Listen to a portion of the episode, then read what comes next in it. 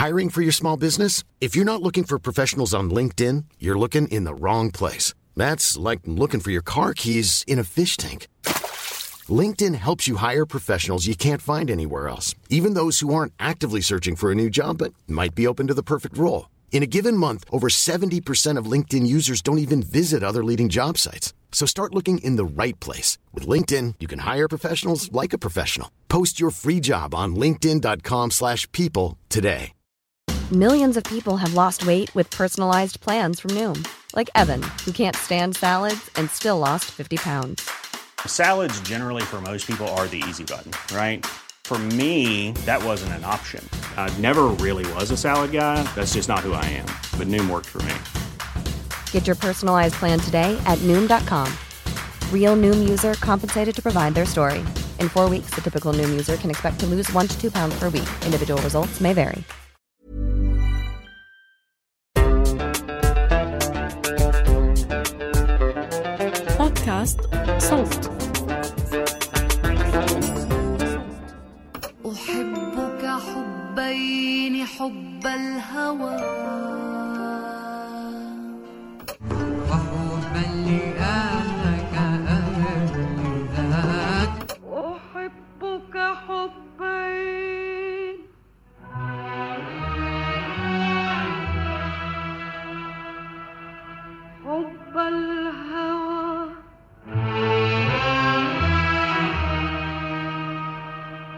فأما الذي هو حب الهوى شغلي بذكرك عمن سواك أحبك حبين حب الهوى وحبا لأنك أهل لذاك.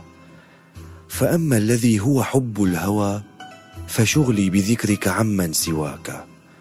وأما الذي أنت أهل له فكشفك لي الحجب حتى أراك.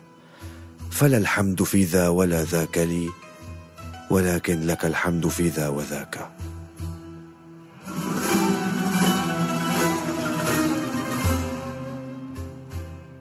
هالأبيات هي للزاهدة أو المتصوفة رابعة العدوية عم توصف فيها علاقتها مع الله.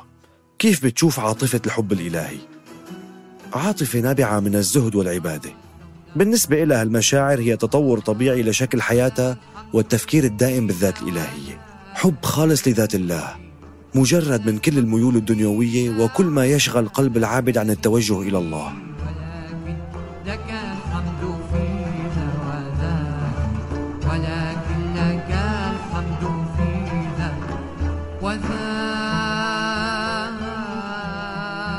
مرة انسألت رابعة العدوية من حدا عامل ذنوب كتير. لو تبت هل يتوب الله علي؟ قالت بل لو تاب عليك لتبت. هي بالتوبة فكيف بالحب؟ فإن أحاديث الخبير هدى.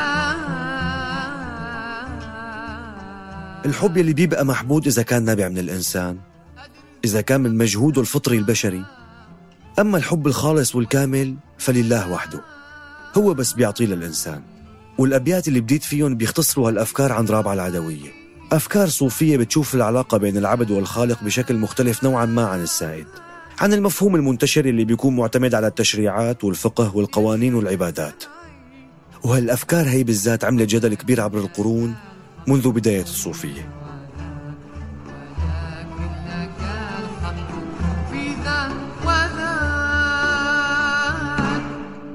شو يعني صوفية؟ وإمتى بلشت وكيف؟ وهل هي مذهب أم دين أم فلسفة مختلفة؟ شو رأيكم يا شباب؟ نسميه من بيت؟ لا بالمرة سميه شجرة حبيبي من بيت يا شباب وين فكر حالك بالله معك حق. مزبوط بس لا ليش حتى أنت يا شباب رأيك؟ عم رأيك؟ المعجم أنا؟ آه، من بيت من مرادفات كلمة أصل وإذا أخذنا على أصل الجذر اللغوي اهلين وسهلين ومرحبتين ببودكاست من بيت من إنتاج صوت معي أنا بشر نجار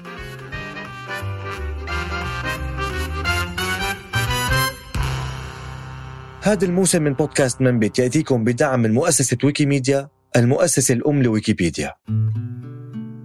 في ناس قالوا إنه التصوف بيرجع لرجل قبل الإسلام اسمه صوفة وناس قالوا إنه بيرجع لأهل الصفة بصدر الإسلام. يلي هن الفقراء يلي كانوا مقيمين بجوار مسجد الرسول صلى الله عليه وسلم بالمدينة المنورة. وبعضهم بيقول إنه بترجع للصفاء يعني التطهر من الحياة ومشاغلها. وغيرهم بيرجعوها للصف. يعني إنه الصوفية هن بالصف الأول من صفوف أهل الإيمان بسبب قربهم من الله. وفي منهم رجعوها للكلمة اليونانية جيمونوسوفيست يلي كانوا يقولوها اليونانيين على الهنود القدماء يلي كانوا مشهورين باسم الحكماء العراة. هدول كانوا زاهدين بملبسهم وبيعيشوا حياة تقشف. بس الرأي الأكثر رجوحا هو أنه الكلمة بترجع للصوف بحسب النصوص العربية والفارسية لأنه زهاد القرنين الأول والثاني هجري كانوا يلبسوا الصوف لأنه بيعتبروه لباس الأنبياء والأولياء. وممكن يكونوا أخذوه من الرهبان النصارى. وكانوا الصوفيين بهذيك الفترة يشوفوا بالصوف رمز لمعارضة السلطة الأموية يلي كانوا يلبسوا رجال الحرير. كل هي تكهنات ممكن يكون في منها الصحيح ومنها الخاطئ بس المهم أنه الصوفية هي استمرار للزهد. فكرة الزهد الموجود بالإسلام. الزهد اللي بيعني الابتعاد عن الدنيا والعمل للآخرة. مثل ما بيقولوا زهد بالدنيا يعني ابتعد عن مشاغل الدنيا وملذاتها واتجه للتعبد. هالشي بنشوف بذوره بالقرآن الكريم وبتعاليم الإسلام المعروفة. ومع بداية انتشار الإسلام كتار من صحابة الرسول تبنوا هالنمط من الحياة. حياة ورع وتقوى وعزوف عن الدنيا وشهواتها. محاسبة النفس والتعبد طلبا للمغفرة. ومن هدول الصحابة أبو الدرداء وعبد الله بن عمرو وخباب بن الأرت وصهيب الرومي وحذيفة بن اليمان والبراء بن مالك وبلال بن رباح وسلمان الفارسي وغيرهم.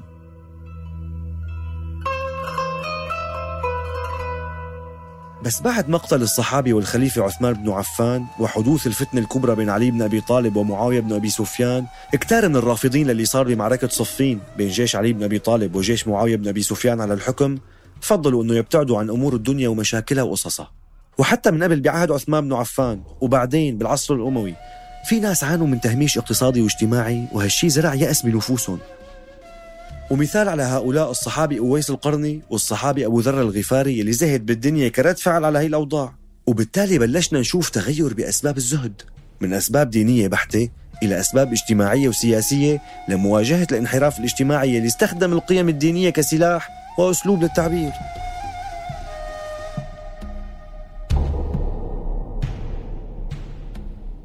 وبالقرن الثاني للهجرة زاد انتشار المذهب الزهدي يلي هو مو مذهب ديني مثل المذاهب اللي بنعرفها. هو طريقة حياة تقوم على الزهد والتقشف. كمان زاد رد فعل على ظروف اجتماعية وسياسية وعلى انتقال مركز السلطة لبغداد وانتشار مظاهر الترف والبذخ فيها. سفيان الثوري وعبد الله بن المبارك وأسد بن موسى وغيرهم كتير كانوا من هدول الزاهدين.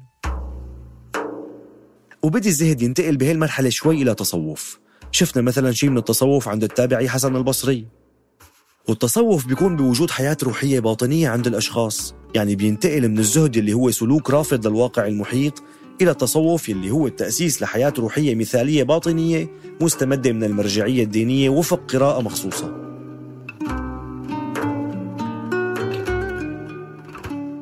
الزهد بيكون بعبادة الله باتباع أوامره والامتثال لنواهيه رجاء لثوابه وخوفا من عقابه. أما التصوف فبيدخلنا بمفهوم الحب الإلهي. الشوق لله. وبيستمدوا هالمفاهيم من القرآن نفسه من آيات فيه.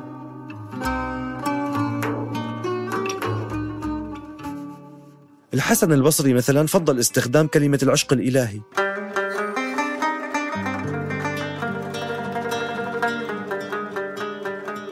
لأنه كلمة المحبة ملتبسة بحب الدنيا الصارف عن ذكر الله ولأنه الحب هو تمني لشيء مفقود بينما الله موجود دائما في قلب المؤمن.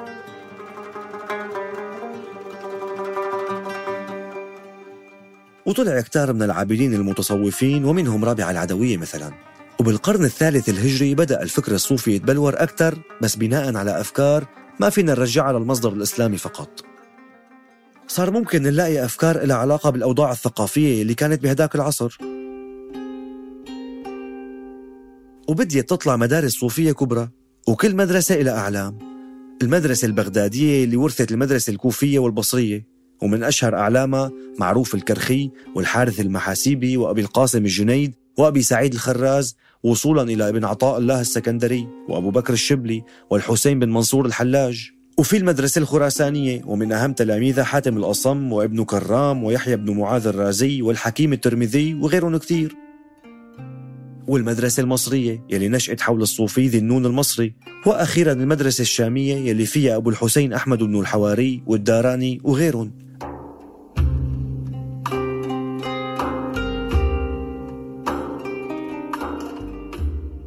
أما مصادر التأثيرات الفكرية الخارجية فكمان كانت متعددة. عندنا المصدر اليوناني المتمثل بالفلسفة اليونانية يلي عرفها المسلمين أيام حركة الترجمة بالعصر العباسي. وبعصر المأمون انتشر كتاب الربوبية لأرسطو وآراء عن وحدة الوجود وأفكار تانية كتيرة ممكن نمر على بعضها خلال الحلقة. والمصدر الثاني كان هو الديانتين اليهودية والمسيحية.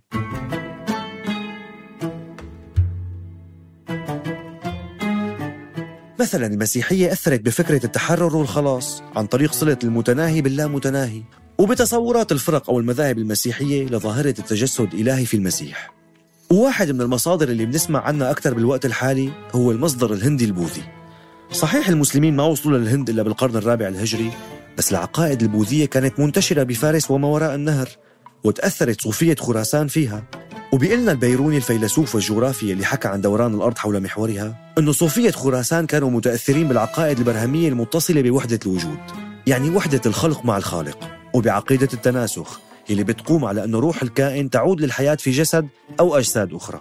والحلولية بتعني أنه الله يحل في كل شيء وحتى في الإنسان نفسه. وحتى تأثير اليوغا كان واضح بالرياضات النفسية عند الصوفية وعقيدة النيرفانا البوذية يلي بتعني التلاشي والفناء عن طريق محو غرائز النفس وشهواتها والتأمل العقلي بشي بذكر بنظرية الفناء الصوفي. ولو أنه النتيجة مختلفة لأنه الصوفية ما بيقولوا أنه في تلاشي بل بيحكوا عن البقاء بعد الفناء بحسب العقيدة الإسلامية اللي هن عليها.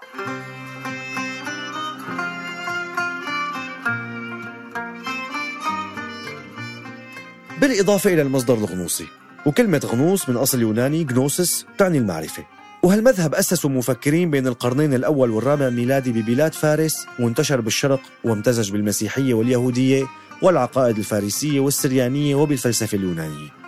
وكانوا يحكوا فيها عن العلم بدون واسطة وإمكانية الوصول إلى المعرفة عن طريق الكشف والتلقي الروحي بدون الاستناد إلى البرهان العقلي.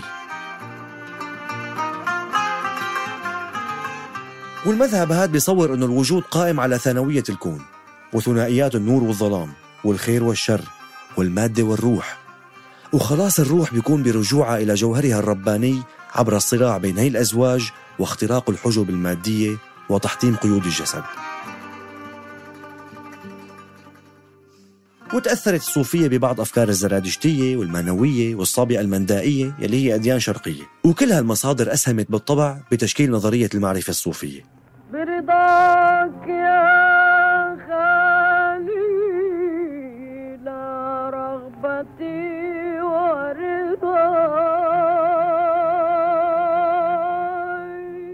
واهتم المتصوفة بتنظيم مراحلها وطلعوا بمصطلحات مثل المقامات والأحوال وهي تمثل مراحل الحياة الروحية اللي لازم يمر فيها الصوفي ليوصل للكمال وإدراك الحقيقة الإلهية واليقين في التوحيد. والمقامات هي المرحلة الأولى اللي لازم يمر فيها الإنسان.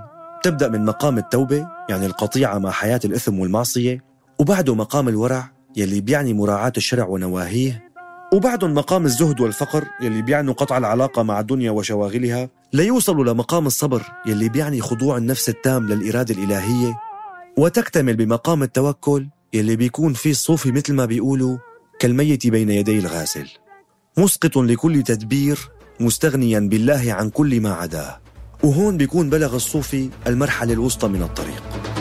شاربنا على ذكري. سكرنا بها من قبل. لها البدر كأسوا هلال وكم يبدو؟ وبيفوت بالأحوال اللي يقال إنها عشرة. المراقبة والقرب والمحبة والخوف والرجاء والشوق والأنس والطمأنينة والمشاهدة واليقين. ويذكر أحيانا معهم القبض والبسط والحضور والغيبة والفناء والبقاء والصحو والمحو. وأرقى الدرجات بهذا السلم الروحي هي حال الوجد والجذب.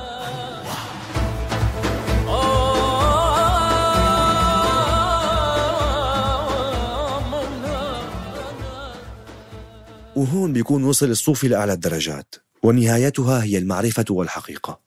مثل ما بيقول الشاعر فلما أراني الوجد أنك حاضري شهدتك موجودا بكل مكان يعني اليقين بوجود الله في كل شيء. والحقيقة هي غاية الطريق عند الصوفيين وهي المعرفة بتحصل لهم عن طريق الذوق والمكاشفة. أي النور الذي يلقيه الله في قلوب الأولياء ليفرقوا ويكشفوا به بين الحق والباطل. ولا تتجلى إلا لخاصة عباد الله في أوقات وجدهم.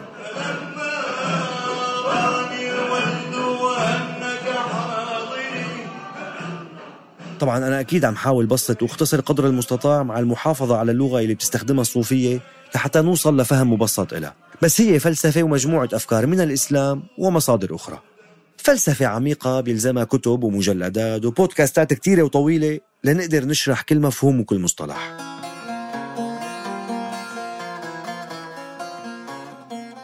المهم انشهر كتير من الصوفيين وخصوصا عن طريق أشعارهم.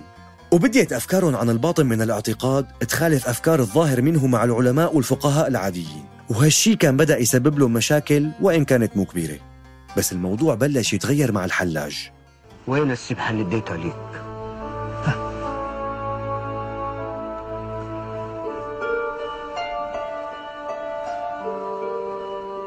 سيبها إيه؟ قلب بني آدم زي السبحة. وإيد ربنا مسكاه وتسبح بيه كل لمسة بنور وحب. الحب حب هسه قليل جدا شيخ. منو قال ليك؟ الحب مال الدنيا والآخرة. عادة كانوا الصوفيين يتراجعوا عن مواقفهم اللي قالوها بعد ما تنتشر لأنه هي الأفكار كانت محل تصادم وافتراق مع مبادئ التدين السني. وهون كانوا يحسوا أنهم أخطأوا بإفشاء أسرار معارفهم التي خصها الله بهم دون غيرهم من عباده. الحسين بن منصور الحلاج الشاعر الصوفي من العصر العباسي تحدث بالوحدة لما قال صرخته الشهيرة أنا الحق اللي اعتبرت إشراك منه. بس الفكرة أنه هو كان عم يحكي بمبدأ الاتحاد يلي بيعني أنه هو لغى نفسه وصار الله ينطق عن طريقه. صار في وحدة ذاتية بينه وبين الله وحطم حجاب الإنيا أو الأنا أو الذات. وهون اختلفوا العلماء حوله. منهم من دافع عن تصوفه ومنهم من هاجمه. صيحوا زنديق كافر نحن زنديق كافر قالوا صيحوا فليقتل. نحن فليقتل فليقتل. إنا نحمل دمه في رقبتنا. إنا نحمل دمه في رقبتنا.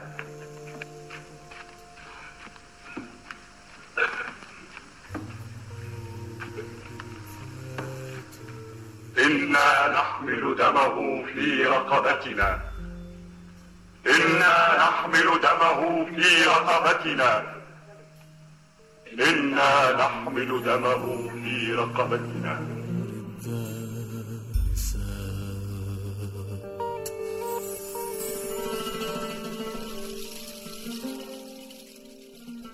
وبنشوف حكيه عن تجربته بحلول روحين في بدن واحد ومفهومه عن وحدة الوجود بالبيت اللي قاله أنا من أهوى ومن أهوى أنا نحن روحان حللنا بدنا. بس بنفس الوقت كان متردد بأفكاره لما قال أنا سر الحق ما الحق أنا؟ بل أنا حق ففرق بيننا. وكان تأثره بالفلسفة المسيحية واضح مع أنه مؤمن بالنور المحمدي مصدر أنوار النبوة لأنه كان يعتبر سيدنا عيسى هو المثل الأعلى للولاية الصوفية اللي تسموا على درجة النبوة وحلت فيه روح الله. وبالنهاية تم قتله لأنه حكى بأنه الكفر واجب عليه لأنه الاهتمام بالعبادة شغل عن المعبود واعتبر خرج عن الملة بالنسبة للناس بهداك الوقت. رأيت ربي بعين قلبي فقلت من أنت؟ قال أنت. طبعا على مدى القرون التالية ظهر متصوفين كبار. مثل ابن الفارض وأستاذه ابن عربي اللي مدفون بسفح جبل قاسيون المطل على دمشق بمنطقة الشيخ محي الدين اللي تسمت على اسمه محي الدين بن عربي. ابن عربي اللي يعتبر من أكبر المتصوفين عبر التاريخ وأفكاره انتشرت بالعالم كله. علماء وفقهاء كتار وافقوا أفكاره وغيرهم كتار خالفوها. وأشعاره لسه لليوم بيتغنوا فيها الناس مثل الأبيات الشهيرة من قصيدة ألا يا حمامات الأراكة والبان اللي بيقول فيها لقد صار قلبي قابلا كل صورة فمرعا لغزلان ودير لرهبان وبيت لأوثان وكعبة طائف وألواح توراه ومصحف قرآن. أدين بدين الحب أن توجهت ركائبه فالحب ديني وإيماني.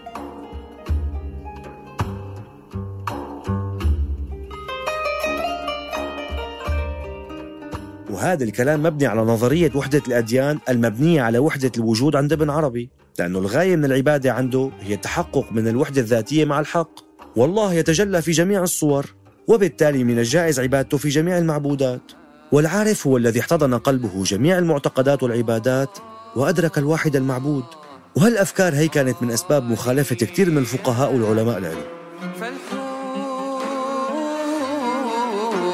راحته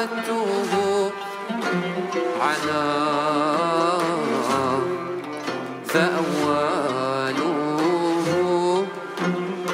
como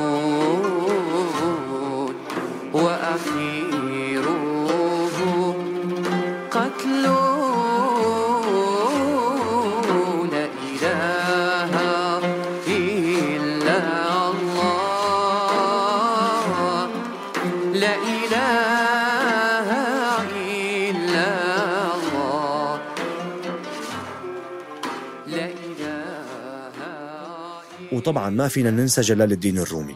علم من أعلام الصوفية واللي كان يستخدم الشعر والموسيقى الروحية اللي بتساعد على التعرف إلى الله والتعلق به. بالإضافة للرقص الدائري اللي صار شيء بيشبه الطقس لما الإنسان بيسمع الموسيقى وبيدور حول نفسه. ومن هون اجى رقص المولوية الروحاني اللي بيلبسوا فيه الرجال ثوب أبيض فضفاض وقبعة طويلة بنية وبيرفعوا إيد للسماء وبيخفضوا إيد وبيدوروا حول نفسهم.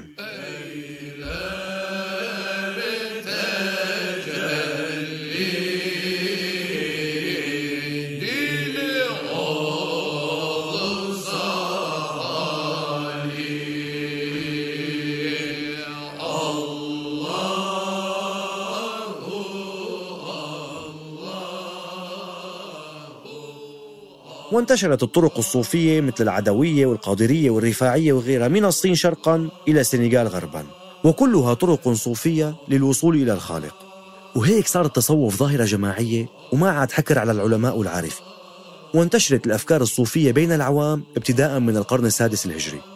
ومعها انتشرت الزوايا ومفاهيم الكرامات والأولياء مثل ما بنسمع من أجدادنا وخصوصا بالريف عن الولي فلان اللي كان له كرامات والولي اللي بيقدر يعمل أشياء خارقة ودخل الجهل اللي رافق انحطاط الدولة الإسلامية إلى كل شيء ومنها مفاهيم الصوفية اللي تحولت إلى طقوس شكلية لا عمق لها ولا فلسفة.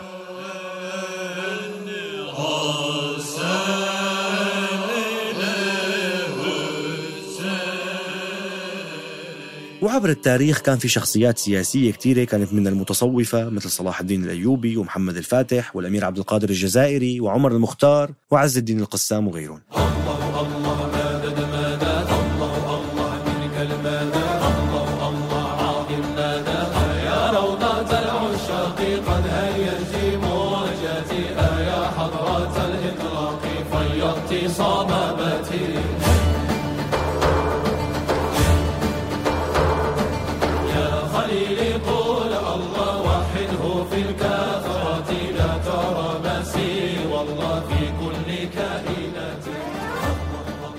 وبالفترة الأخيرة رجعت الصوفية وطفت إلى السطح لتوافق بعض من مفاهيمها مع مفاهيم منتشرة عالميا مثل الإنسانية والتسامح والمحبة واللي هي مفاهيم متفق عليها طبعا.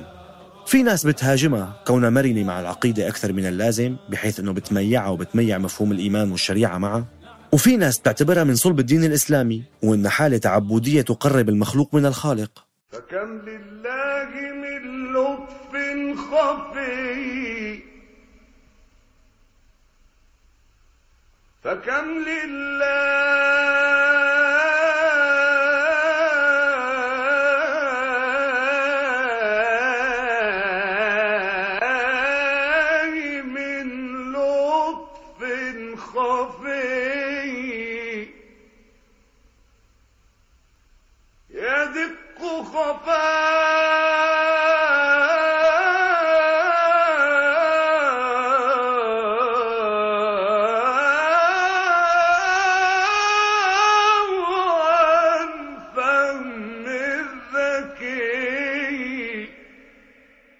بالنهاية الهدف لم يكن الاصطفاف أو المديح أو الذم ولا الترويج ولا التكريس. هي محاولة لحتى نرجع نقرأ ونفهم الأمور بدون ما نستسهل ونسمع من بعيد. نسمع حكي عن الصوفية إنها منيحة أو مو منيحة بدون ما نعذب حالنا ونقرأ عنها. نكون موقف سلبي أو إيجابي بدون معرفة مسبقة. وبالي كتير نسمع لشي مؤثر على ال social media ممكن كتير يكون عم يحكي بدون مصادر لحتى يجذب الناس.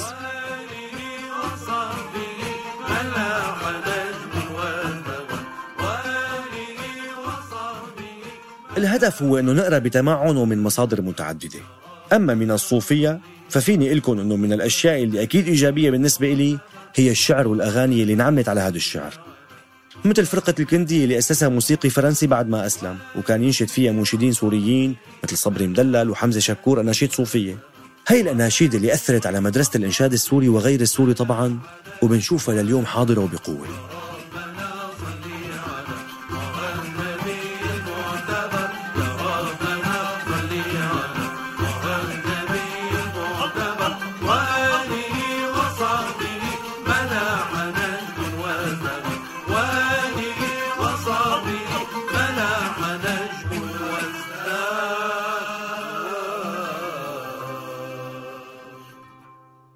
كتب هذه الحلقة وقدمها بشر نجار إنتاج وتحرير أحمد إيمان زكريا تدقيق بيان عاروري ترجمة كريستينا كاغدو إخراج صوتي تيسير قباني فريق النشر والترويج مرام النبالي وبيان حبيب وعمر خطاب وأمامة عثمان ومعالي الغريب. هذا الموسم من بودكاست منبت من إنتاج صوت ويأتيكم بدعم من مؤسسة ويكيميديا المؤسسة الأم لويكيبيديا. الآراء الواردة في حلقات البودكاست لا تعبر عن رأي مؤسسة ويكيميديا أو العاملين بها أو انتماءاتها. أكاد من فرط الجمال فرط الجمال أذوب أكاد من فرط الجمال.